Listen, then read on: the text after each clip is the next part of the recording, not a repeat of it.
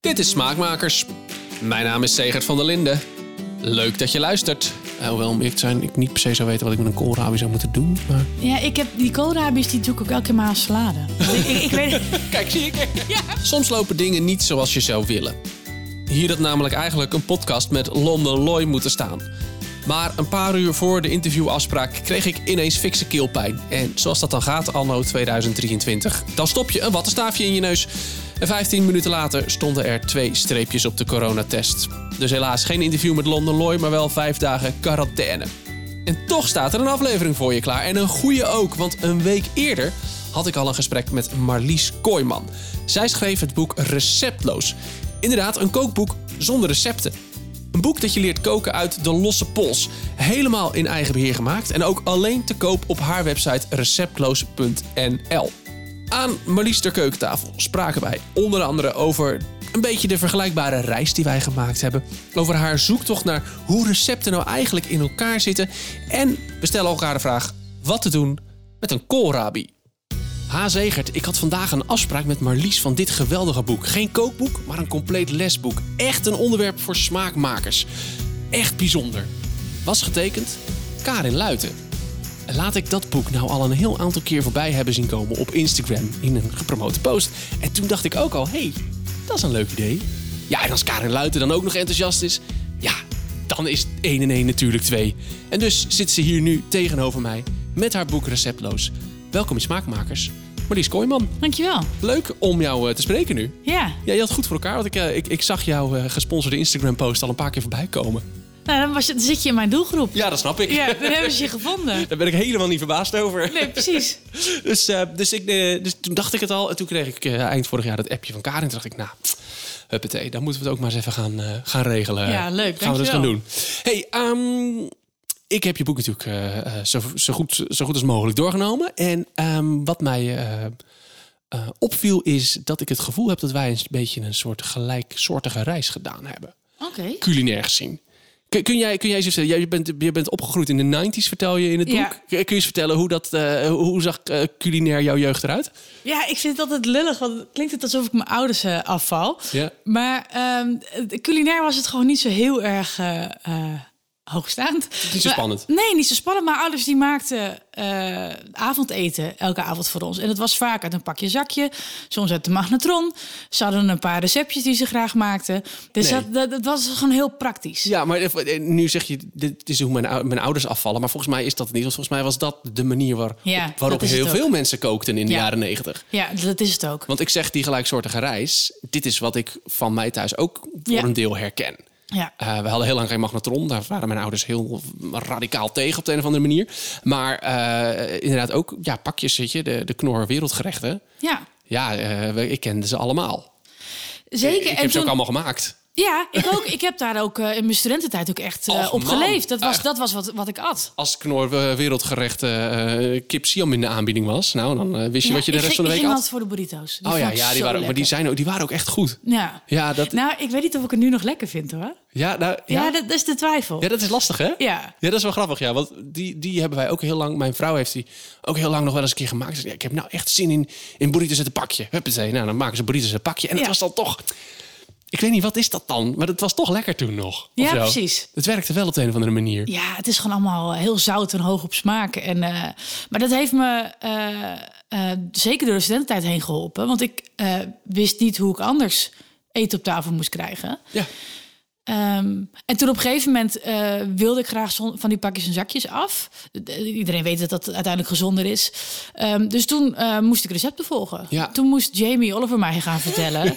Of alle handen, of wie dan ook, moest mij eh, uitleggen hoe ik het dan moest doen. Want ja, je kan niet alles scharen en aan het einde het smaakzakje er doorheen gooien. Dus hoe, hoe, doe, Hoe doe je het dan? Hoe doe je dat dan? Hoe moet dat dan? Ja. Ja, dus ik, ik had echt die recepten nodig om te weten hoe ik iets lekkers kon maken. En eh, dat ging hartstikke goed. Ik kon, eh, dat kon ik echt wel goed volgen.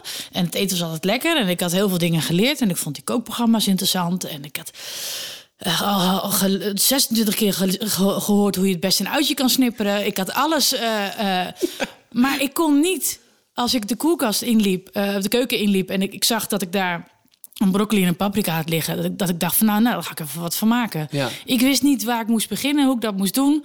Dus ik moest altijd toch weer een recept erbij zoeken. Of stiekem toch weer een keer een pakje een zakje pakken. Of Het werkte niet of zo. Het, het, Het- het, werkte wel, maar, maar tot op zekere hoogte. het was gewoon heel frustrerend. Ja. En eh, helemaal toen ik ging werken en ik ook steeds minder tijd en energie had om te koken, maar het wel heel belangrijk vond om goed en vers te, te eten, werd het echt een beetje een strijd. En dan ging ik op bijvoorbeeld op eh, zaterdag ging ik dan een weekmenu maken en dat ik dan nu Ja, ga ik, ja, nu ga ik het doen. Ja.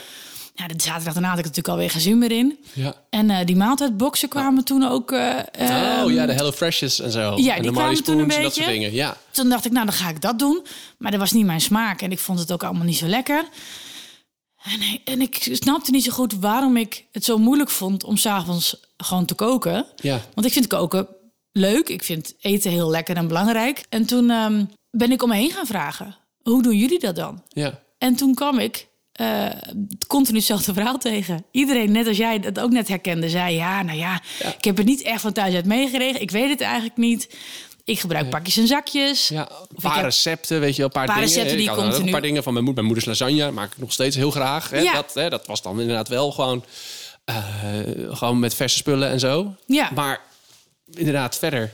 Nee, en ik dacht, Ik had geen hoe, idee. hoe tof zou het nou zijn als ik gewoon een beetje casual uit de losse pols, s'avonds even lekker iets lekkers in elkaar kan draaien. en Dat, dat, dat, is toch mooi? ja, Dat en het hoeft niet heel hoogdravend. Het hoeft niet restaurant, gewoon lekker door de week gezonde verse Juist. maaltijden zonder te veel moeite. Gewoon in een half uur klaar, maar Ja. dat, het, dat, het, dat het wel goed is Ja. en lekker en vers Ja, dus en, en gezond ja, ja, al die dingen Al die en dingen. betaalbaar. en betaalbaar. Ja, dus dat wilde ik heel graag. Dus ik ging zoeken. Hoe, hoe hebben mensen dat geleerd? Hoe kunnen ze dat?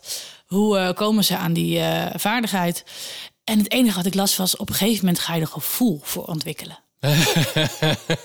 Het is een gevoel, kun je niet uitleggen. Het is een gevoel en die ontwikkel je op een gegeven moment... als je vaak genoeg kookt, dan, ja, dan, dan krijg je dat gevoel. Ja. Ik dacht, dat kan niet. Ik kook al best wel heel lang.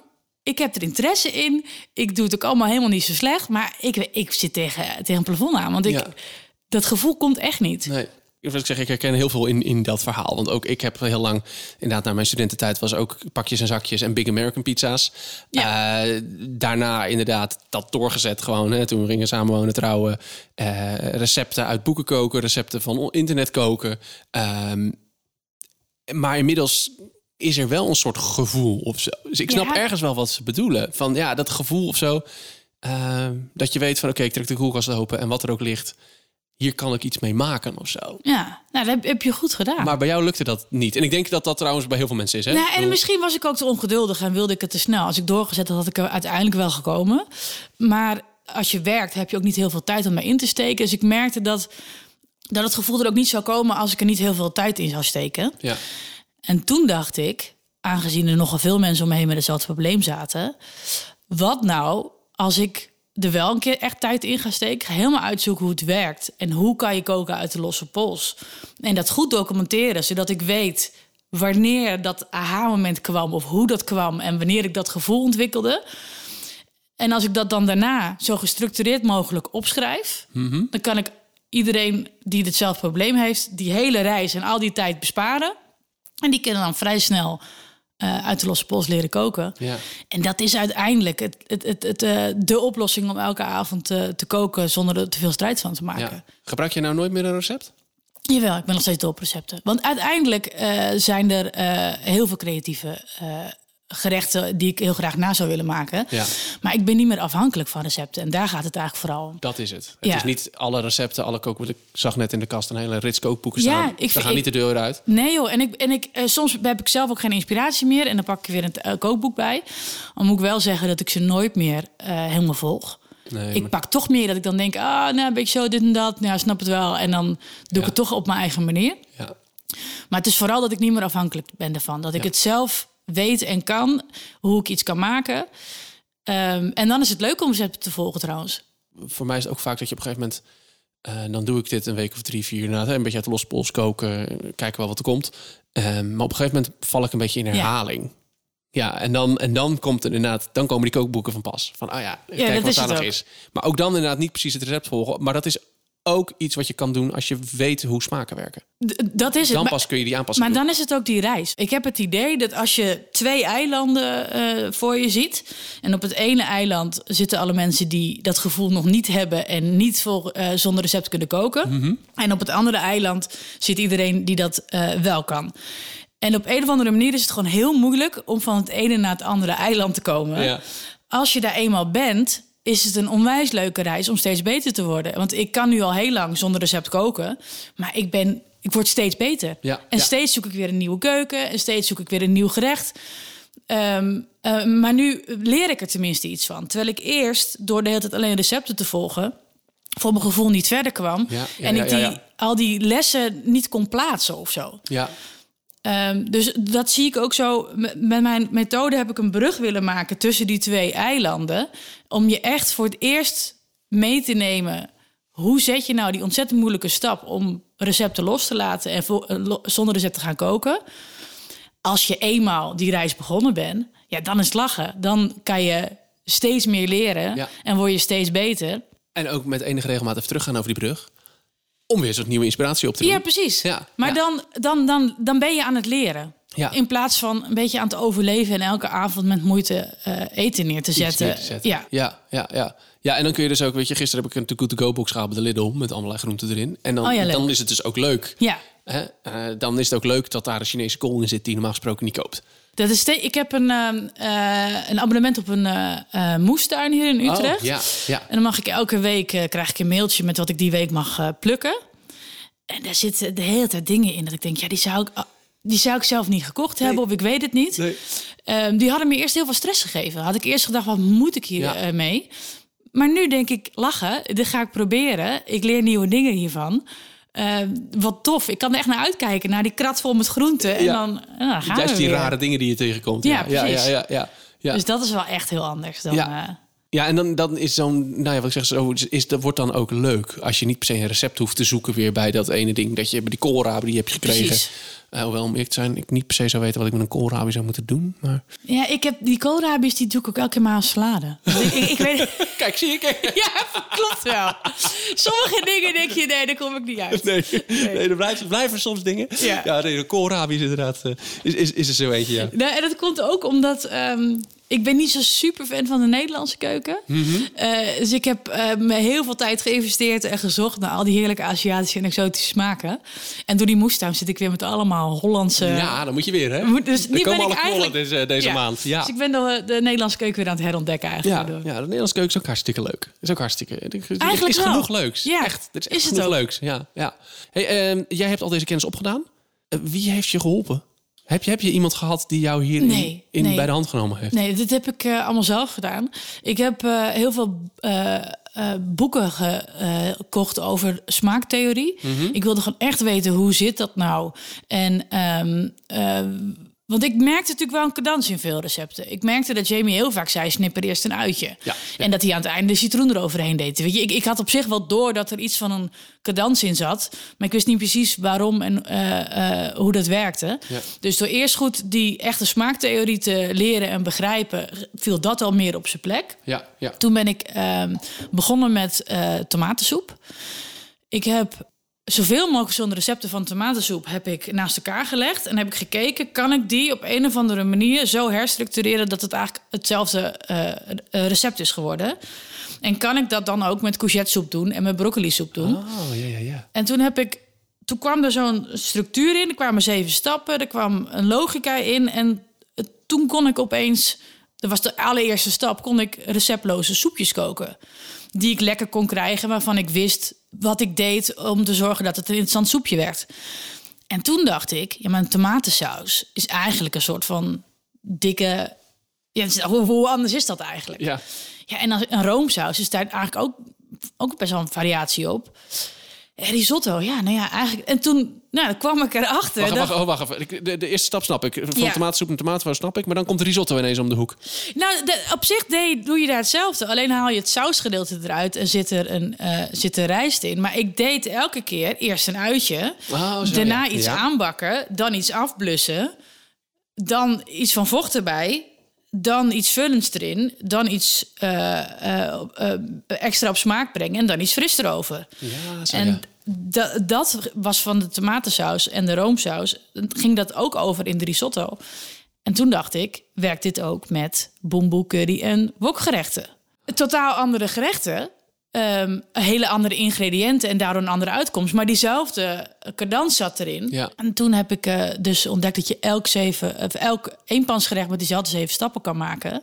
En dat was best wel een euforie-moment. Dat ik, ja, nu heb ik hem. Nu weet ik wat ik mensen kan vertellen, zodat zij eh, weten hoe ze zelf een gerecht moeten maken. En daar heb je dus nog één ding voor nodig, want dan heb je die zeven stappen. En dan moet je daarna alleen nog weten welke ingrediënten je kan pakken. Dus als je een eh, Italiaans gerecht maakt, wat zijn dan de Italiaanse smaakmakers die erin stopt? En welke stop je dan dus in dat Aziatische wokgerechtje? Ja, ja. Dus toen heb ik dat- ook eigenlijk opgeschreven. Eh, heb, ik, heb ik gewoon een mand gemaakt met dit zijn de ingrediënten waar je uit kan kiezen als je in die keuken kookt. Volg die zeven stappen, pak die ingrediënten eruit. En het is eigenlijk altijd lekker. Dat, is, Ja. dat is echt heel bijzonder. Ja, En dan komt het echt te variëren. Dan, dan kan je het echt op je, op je eigen manier doen. ja. Op een gegeven moment val ik een beetje in herhaling. Ja. Ah, we weer een pastaatje. Oh, doe ik iets met rijst. Hoe, hoe voorkom jij dat? Ehm, nou, uiteindelijk eh, herken ik het zeker ook wel. En dan is dat ook het moment dat ik weer een nieuwe eh, keuken ga ontdekken of een nieuw gerecht ga proberen. Ehm, maar ik heb eh 16 gerechten uitgezocht voor mijn boek. Ehm, dus ook, eh, ik pak zelf mijn eigen boek er vaak bij. Ja, waarom niet? Ja. ja, en dan denk ik toch weer van, eh, oh ja, ik heb al de hele tijd geen overschoten meer gemaakt. Ja, ja. En ehm, ik heb al een hele tijd geen eh maaltijdsalade meer gemaakt. Of geen. ehm, ja. de- de- de- met die 16 eh, gerechten en de zeven wereldkeukens. En de verschillende groentes die elk seizoen eh, langskomen. Kom ik uiteindelijk er dan toch op uit dat ik bijna nooit verveeld raak van mijn eigen kunst. In Ja. dat was een lekker, hè? lekker Ja, iets om te kunnen zeggen. ik raak dat niet zijn toch van wel- mijn eigen toch wel- culinaire kunsten. Heerlijk. Ja. Dat moet lekker zijn, ja. Ja, dat is heel lekker. Ja, Ja, dat is een goed gevoel. ja. Als ik nu jouw boek koop, waar begin ik? Ja, dat- nou, ik zou ook met de soep beginnen. Dat is ook de reden dat het het eerste hoofdstuk is. Eh, Kijk, iedereen is eh, zo anders. Er zijn mensen die het heel fijn vinden om eerst even op de bank te gaan zitten en echt helemaal te gaan lezen. Eh, er zijn mensen die het fijn vinden om eerst te koken en daarna nog eens een keertje terug te kijken. Ehm, mijn boek is best wel dik, maar eigenlijk is de eerste 100 pagina's leg ik de methode uit. En die andere bijna 300 zijn alleen maar voorbeelden en inspiratie en een uitwerking van die methode. Je kunt eigenlijk al gelijk het hoofdstuk van de soep openslaan en soepen gaan maken. Ja. Dan merk je dat ik misschien wat termen gebruik die je even terug wil zoeken. Of ik verwijs sowieso in het boek vaak eh, heen en weer. Ja. En dan eh, als je die eh, soepjes onder de, in de vingers hebt, dan kan je daarnaast denken: ik heb wel zin om eigenlijk nu dat die wok, dat wokken. Daar wil ik, daar wil ik nou een keertje echt gaan leren. En zo kun je gewoon de hele tijd het boek erbij pakken en weer een nieuw gerecht pakken, Ja. totdat je ze alle 16 in de vingers hebt. Ja, ja. Of en sla de, de gerechten over die je niet graag eet. ja. Skip de keukens waar je niet zo fan van bent. Ja, waarom niet? Het is je eigen keuken. Ja. Dus ga je gang. Ja. Ja. We hoeven niet te puristisch te zijn. En wat dat betreft hier in, in, in je eigen keuken hoef je niet te puristisch te zijn. Nee, dat is het mooie. Ja. Dus in die zin kan je eh, gewoon steeds alleen uitpakken waar je zelf zin in hebt en waar je mee aan de slag wil.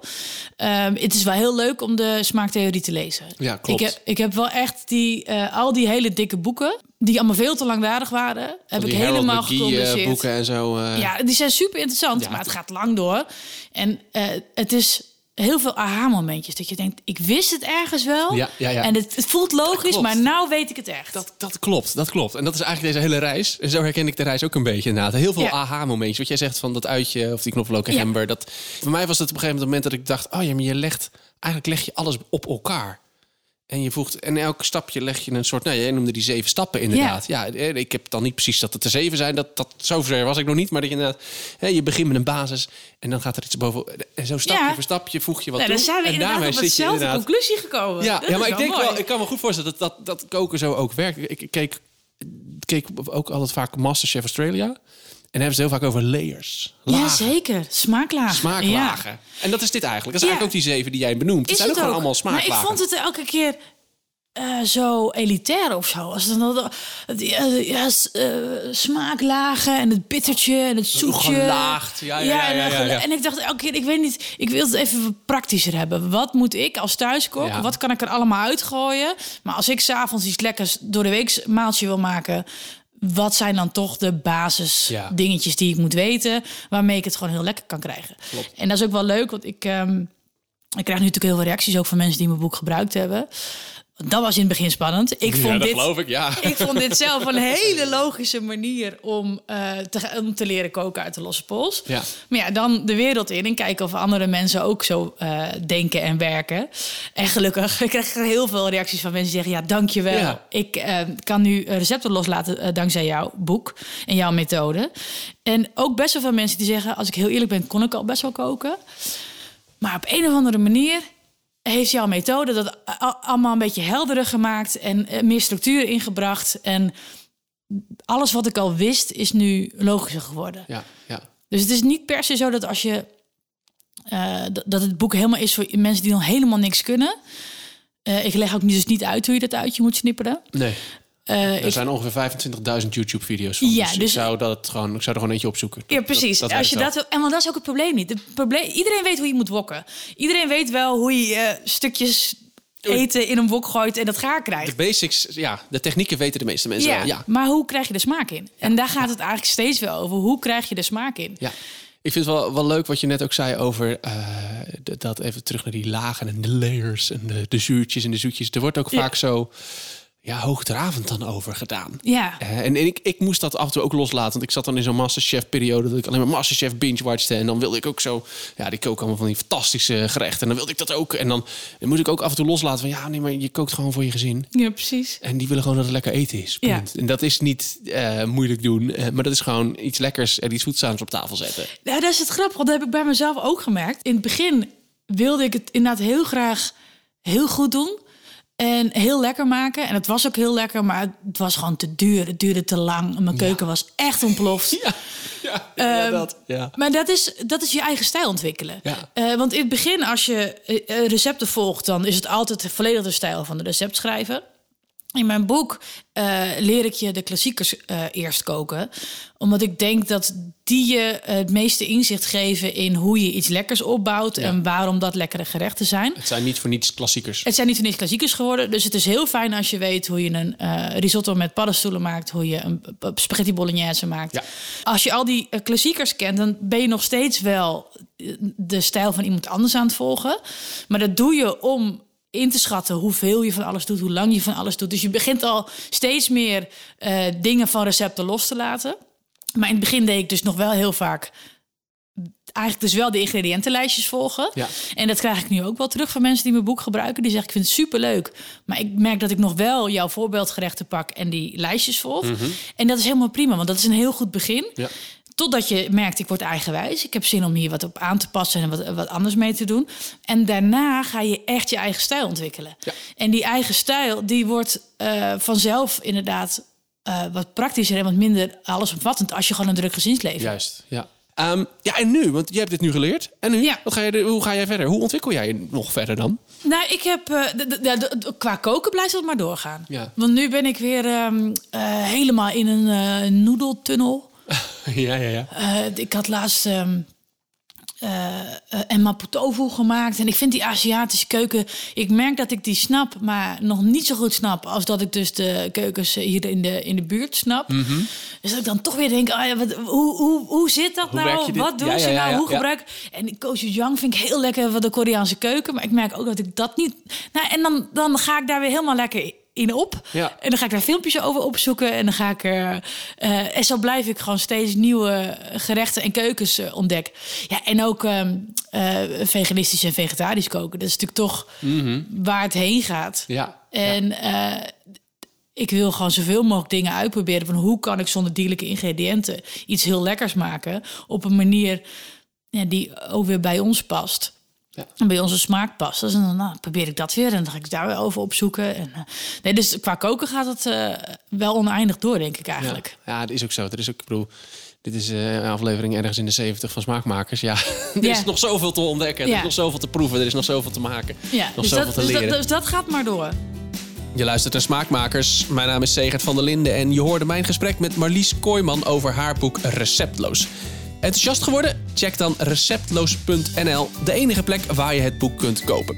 Over twee weken staat er een nieuwe Smaakmakers voor je klaar. Mocht je in de tussentijd meer willen horen, check dan de Petje Afpagina van Smaakmakers.